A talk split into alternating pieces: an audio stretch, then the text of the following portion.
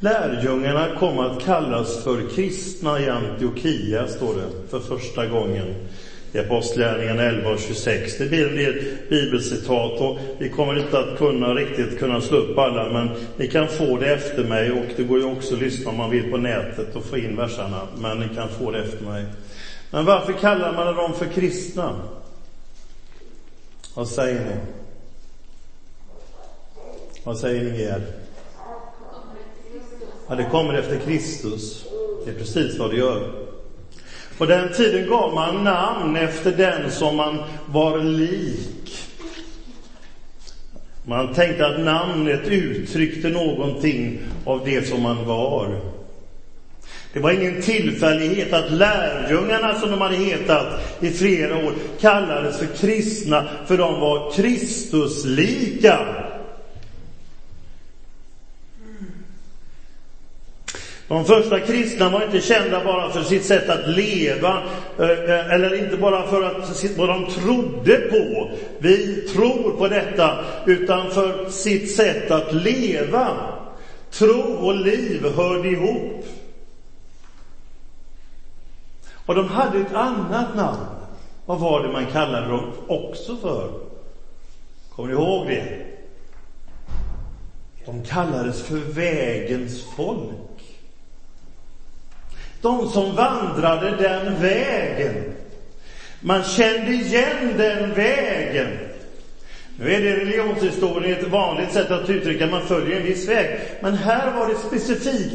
De var vägens folk, står det i Apostlagärningarna. De som följde den vägen. Och vilken väg då? Jo, de följde Jesu väg.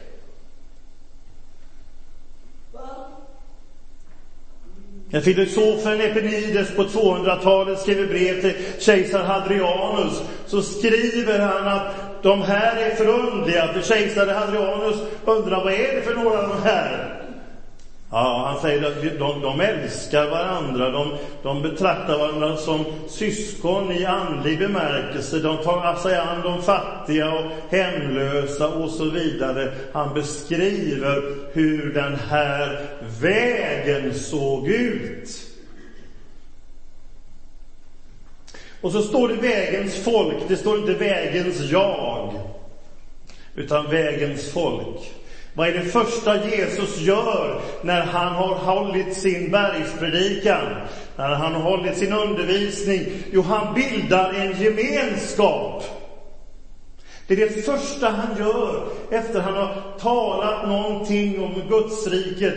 Så kallar han människor, följ mig, och kallar dem till en gemenskap. De var vägens folk.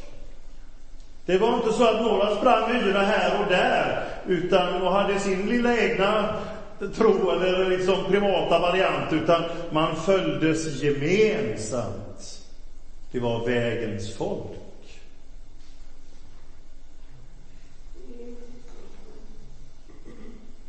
Det var en nytt syskon, ja, med Nya Testamentet, ett nytt brödraskap, en ny syskonskap.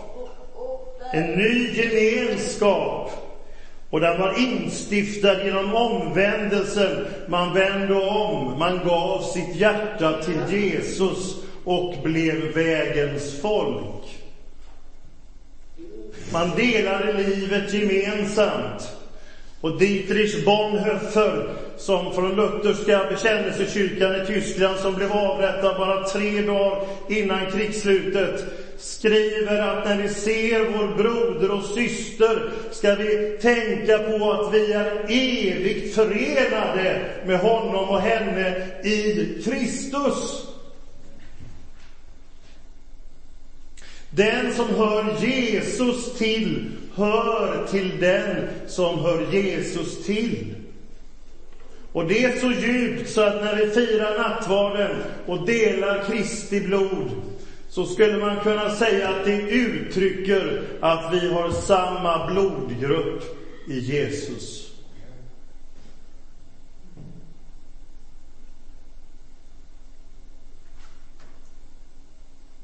Ord och gärningar hörde samman. Det var inte bara att man trodde på en kristen tro som ett idépaket, utan det var liv, det var lära, det var ingen motsats, men det var en efterföljelse och det var vägens folk.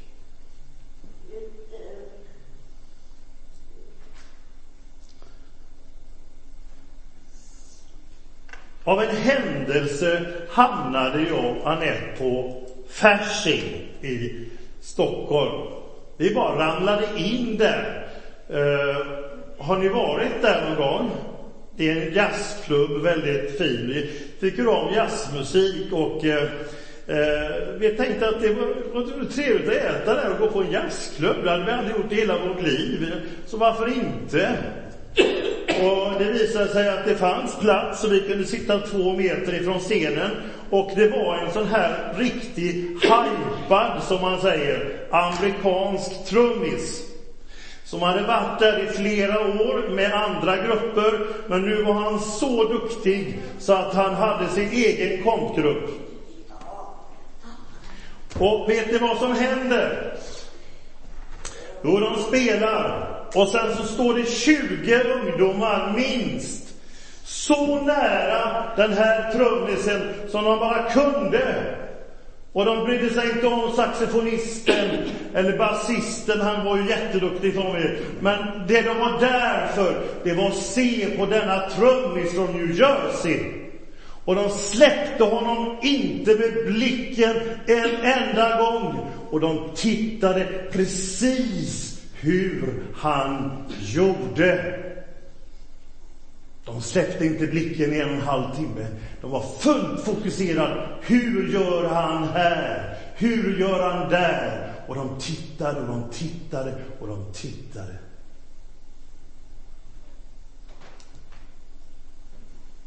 Det är vad lärjungaskap är, mina vänner. Jesaja säger i Jesaja 54 att han väcker var morgon mitt öra.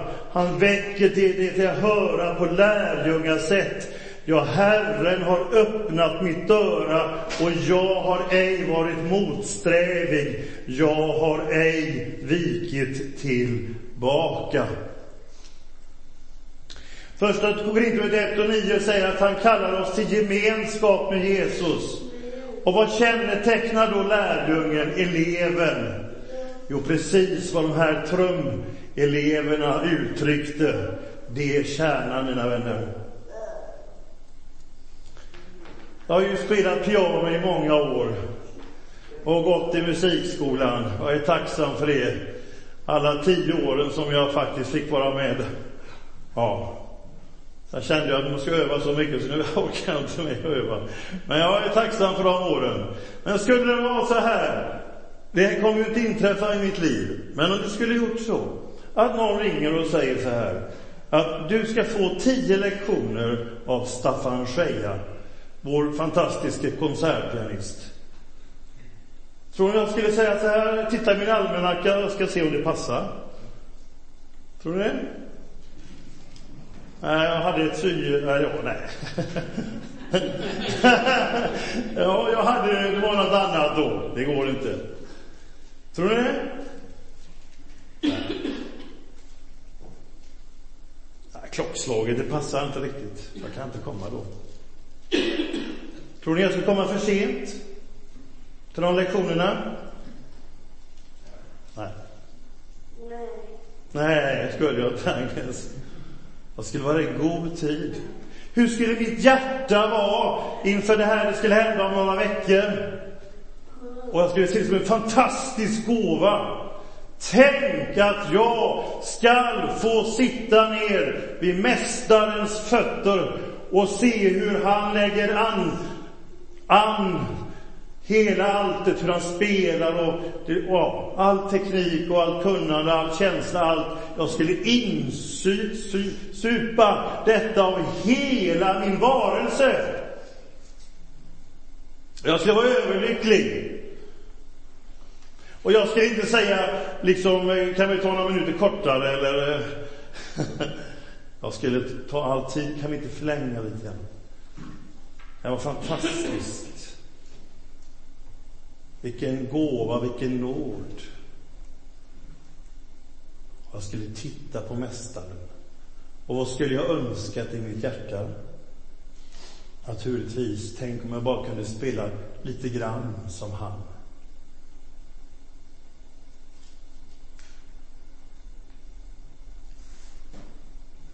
Om det kostade något, tror ni jag skulle betalt det? Det är klart jag hade gjort. Skulle jag haft några MBL-förhandlingar och säga jag tycker att vi får liksom komma överens om priset? Inte någonting.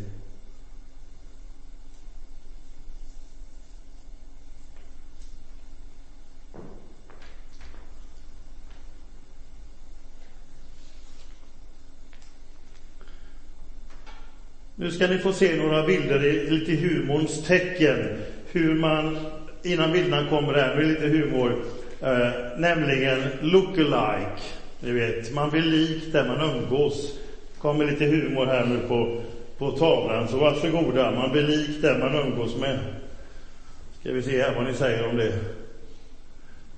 Kanske kan släcka ner lite.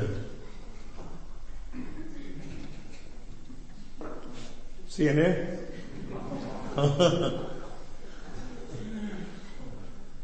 ja. Ja. Vad säger ni om den? ja.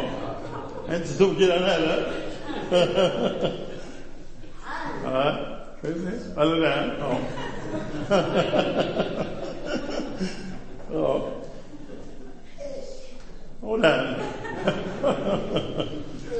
Ja, jag tror det var de bilderna var det, Erika, va? Ja. Vad säger ni? Det var lite förundligt. Gemenskap skapar likhet. Look alike.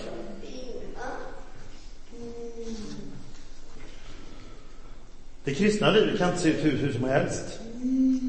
Vem blev, vem blev svenska nationalfågeln återigen? Han fick mest röster. Sture, vad är du? Kommer du ihåg? Nej, det var inte det. Koltrasten var det. Bofiken låg högt upp och skatan med, men, bo, men det var koltrasten. Ja. Har ni, ser ni skillnad på bofink och skata? Kan en bofink se ut hur som helst och kallas för bofink? Nej. Man kan inte se ut som en skata och säga att det var en fin bofink. Nej. Kan det kristna livet se ut hur som helst och ändå vara kristet? Nej. Därför att det kristna livet bestäms och får sitt innehåll och riktning genom en historisk person, Jesus Kristus. Och det som är Kristuslikt, det är kristendom. När Mahatma Gandhi sa till sin gode vän Indien-missionären Stanley Jones som bodde 40 år av sitt liv i Indien för att tala om Jesus och var god vän med Mahatman, så säger Mahatman, jag är så fascinerad av Jesus i bergspredikan, men jag känner inte igen honom i den brittiska kolonialmaktens dräkt. Nej, tackar för det. Och då säger Samuel Jones, tänk dig en indisk Jesus i indiska kläder. Gör det som du ser Jesus gör och säger. Om Hartman säger en sådan Gud behöver vi.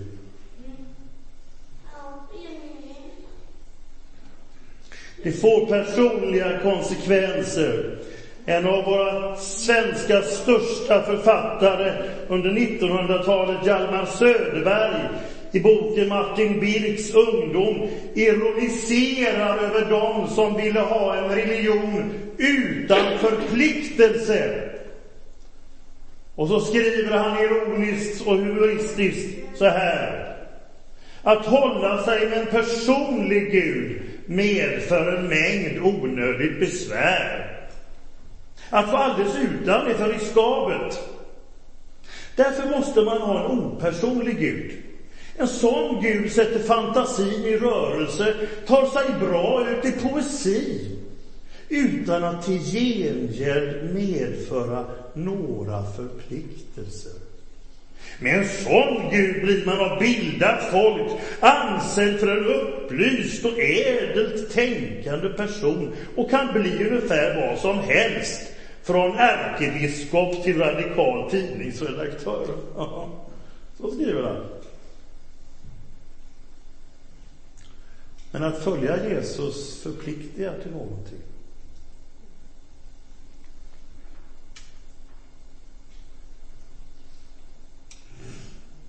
Men det är inte det yttre som Jesus är ute efter och Gud är ute efter, utan det är våra hjärtan.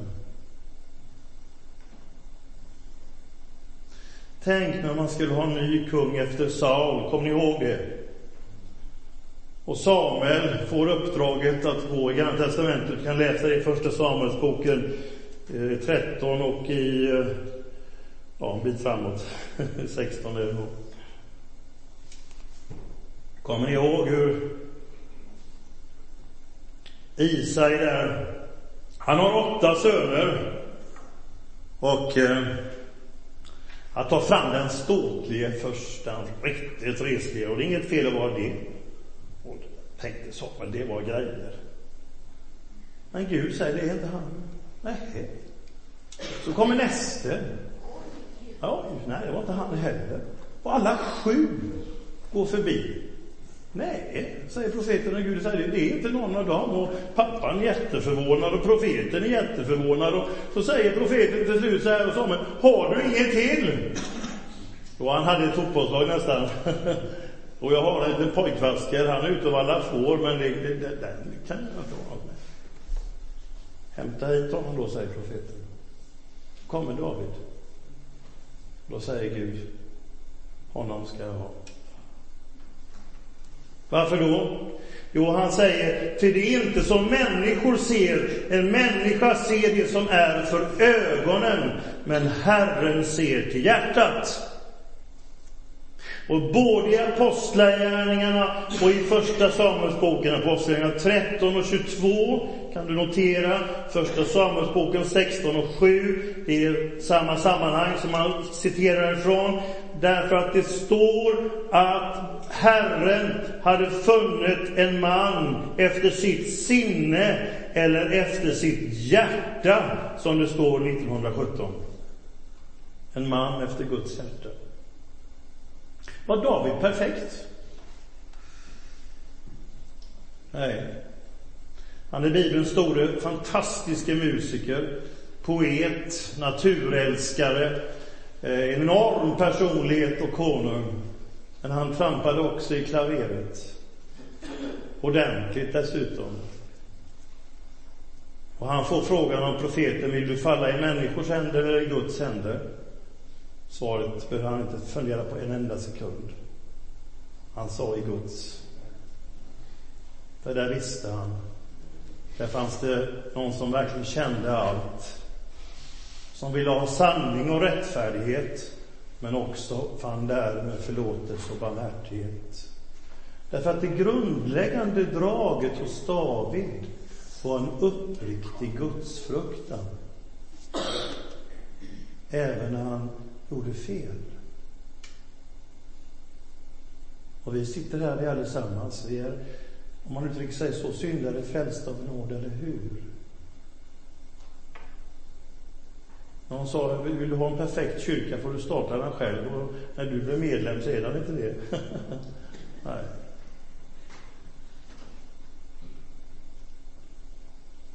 Gud såg till hjärtat.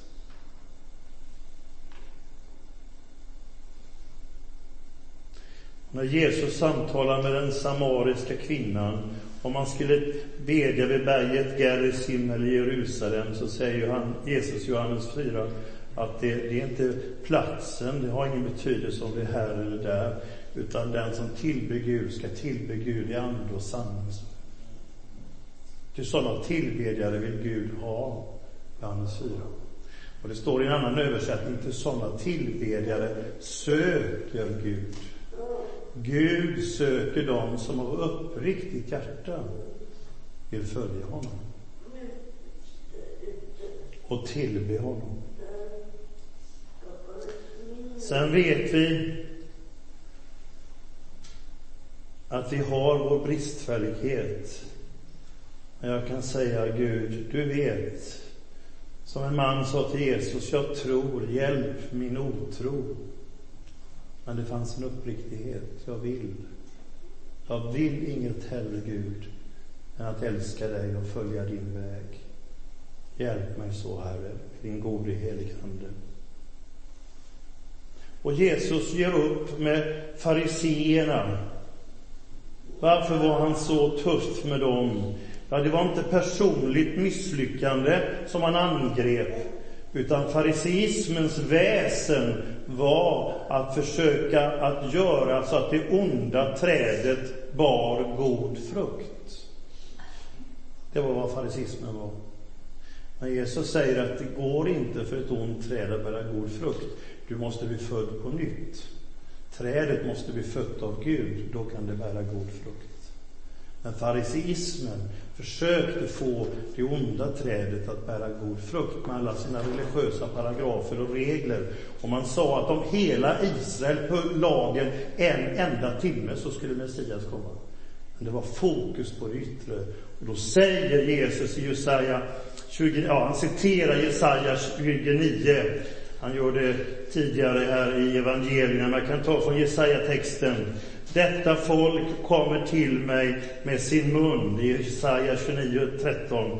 Detta folk kommer till mig med sin mun och ärar mig med sina läppar, men låter sitt hjärta vara långt ifrån mig, så att deras fruktan för mig består i inlärda människobud. Man lär in. Och det är inget fel med dåliga vanor eller traditioner, inte det. Men hjärtat måste vara med. Professor Hugo Odeberg i sin oförglömliga och fantastiska bok Kristendom och farisism skriver så här. Ty vad gör en man som ehuru tillhörig ett livssammanhang försöker bete sig så som han hörde till ett annat livssammanhang. Han försöker vara något som han inte är och aldrig kan bli så länge han förbliver det han är. Han spelar en annan än den han är. Hycklare, hypokritis i Nya Testamentet betyder faktiskt också som bekant skådespelare. En som söker leva sig in i något som han inte själv är. En skådespelare kan visserligen någorlunda leva sig in i ett annat själsliv och på så sätt åtminstone avbilda för en kort tid också vad det som hans roll utgör. Men det finns dock gränser som inte kan överskridas, lika lite som en människa som inte känner kärleken med sin känsla kan fatta vad kärleken är. Lika lite kan en människa som, inte, eller som tillhör det icke-gudomliga livet leva sig in i det gudomliga livet.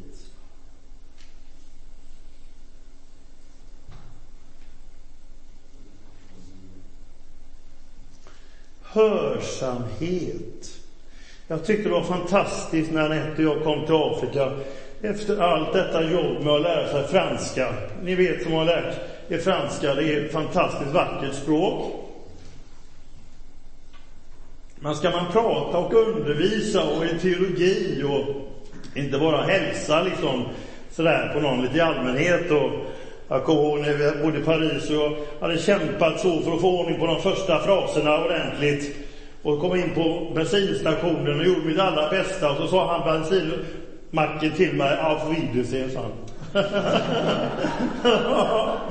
det var ju godnattvalsen alltså. Och vi gick in på en restaurang och frågade vad har ni för bra här? Ja, vi har chèvre, sa de. Chèvre, ja. Då kunde vi visst att eh, chèvre, det var get och jag hade hört, eh, goda vänner var med oss. de trodde också det. De hade bott i Afrika, att geten var väldigt gott. Och så, vi, så vi sa, då tar vi chèvre och tänkte det var en väldigt god get vi åt och så berättade vi det för våra klasskamrater och vår lärare och de skrattade gott och sa chèvreau, det är rådjurssadel. Ja. ja, det var lite annat det.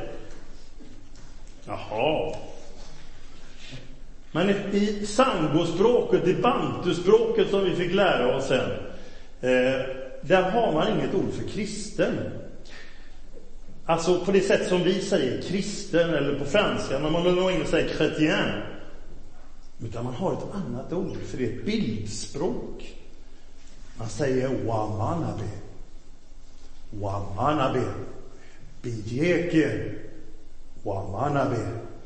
Jag är en som hör med mitt hjärta, säger man. Så de som hör med sina hjärtan möts idag. Jag tycker det är fantastiskt vackert. Tro är också samma sak. Jag hör med mitt hjärta. Det är ordet för tro. Jag lyssnar, jag hör med mitt hjärta. FNs generalsekreterare Dag Hammarskjöld som så tragiskt omkom på sin Afrikaresa i nuvarande Zambia. Som var från 1953 FNs generalsekreterare fram till 61 och som fick Nobels fredspris postumt efter sin död. När planet störtade en mil efter starten. Skriver så här i vägmärken. Hur skulle du kunna bevara förmågan att höra när du aldrig vill lyssna? Att Gud skulle ha tid med dig anser du visst lika självklart som att du inte kan ha tid med Gud. Jag läser det en gång till. Hur skulle du kunna bevara förmågan att höra när du aldrig vill lyssna? Att Gud ska ha tid med dig anser du visst lika självklart som att du inte kan ha tid med Gud. Till sist, när Jesus får frågan av en man, hur ska jag få evigt liv? Så säger han i Lukas 10, vad står det i lagen? Jo, att du ska älska Herren din Gud av hela ditt hjärta, med hela din själ och med hela din kraft och hela ditt förstånd och din nästa som dig själv. Bra, säger Jesus. Gör det så får du leva. Detta är ett citat ifrån Gamla Testamentet som inleds med Hör Israel, Herren vår Gud, Herren är en och du ska älska Herren din Gud med hela ditt hjärta. Och hör och du skall älska uttrycker tillsammans att kärleken till Gud och också nästan, när vi tar kärleken till Gud först, betyder främst hörsamhet mot Guds vilja. Ibland talar jag om lydnad och låter auktoritärare och kan vara jobbigare. Grundkänslan, om ni förstår mig, är en hörsamhet. Precis som jag sitter i Staffan Scheja. jag lyssnar med en hörsamhet. Det är inte plikt, det är inte disciplin och lydnad, det är en gåva till livet. Jag lyssnar. Och det hebreiska ordet för älska är mer robust än det svenska känslomässiga kanske ofta. Det syftar på en hållning, ett förhållningssätt.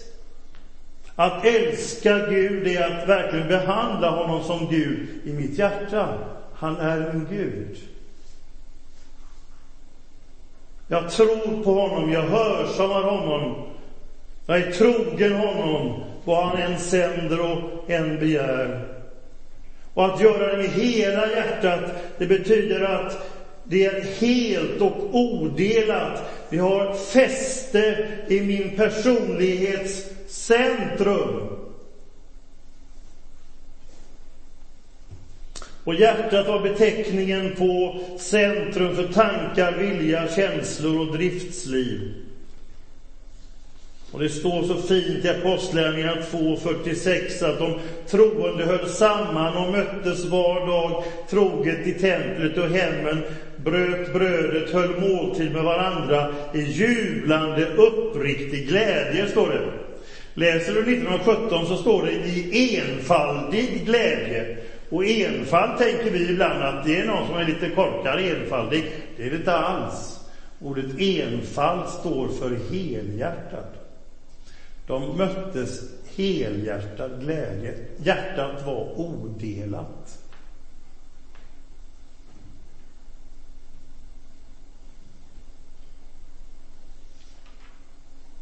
Vad är då motsatsen? Motsatsen till kärleken i Bibeln definieras att förhärda sitt hjärta, att leva sig själv till behag, att söka sitt, eller med ett enkelt ord, egoismen. Det är motsatsen. Och vad innebär egoismen om man ska definiera den? Jo, den innebär att man undanhåller Gud och människor sitt hjärta. Du undanhåller Gud och människor ditt hjärta, betraktar livet som din privata egendom och roffar åt dig istället för att ge. Det är vad egoismen är. Att undanhålla Gud och människor sitt hjärta. Och jag citerar till sist nyligen för några år sedan hemgångne fantastiske professorn Birger Gerhardsson, teologi i Lund, i sin bok Med hela hjärtat skriver så här. Genom hela Bibeln går skarpsynta gudsmäns jakt på, på de olika utslagen av denna livshållning. Dit hör den aldrig vilande kritiken mot den religiösa institutionaliseringen och rutiniseringen. Som offer utan offersinnelse. Offersinnelse. Omskärelse utan hjärtats omskärelse. Fasta utan botfärdighet. Kunskap i Guds lag utan gudsfruktan. Allmosegivning enbart i syfte att inhösta aktning.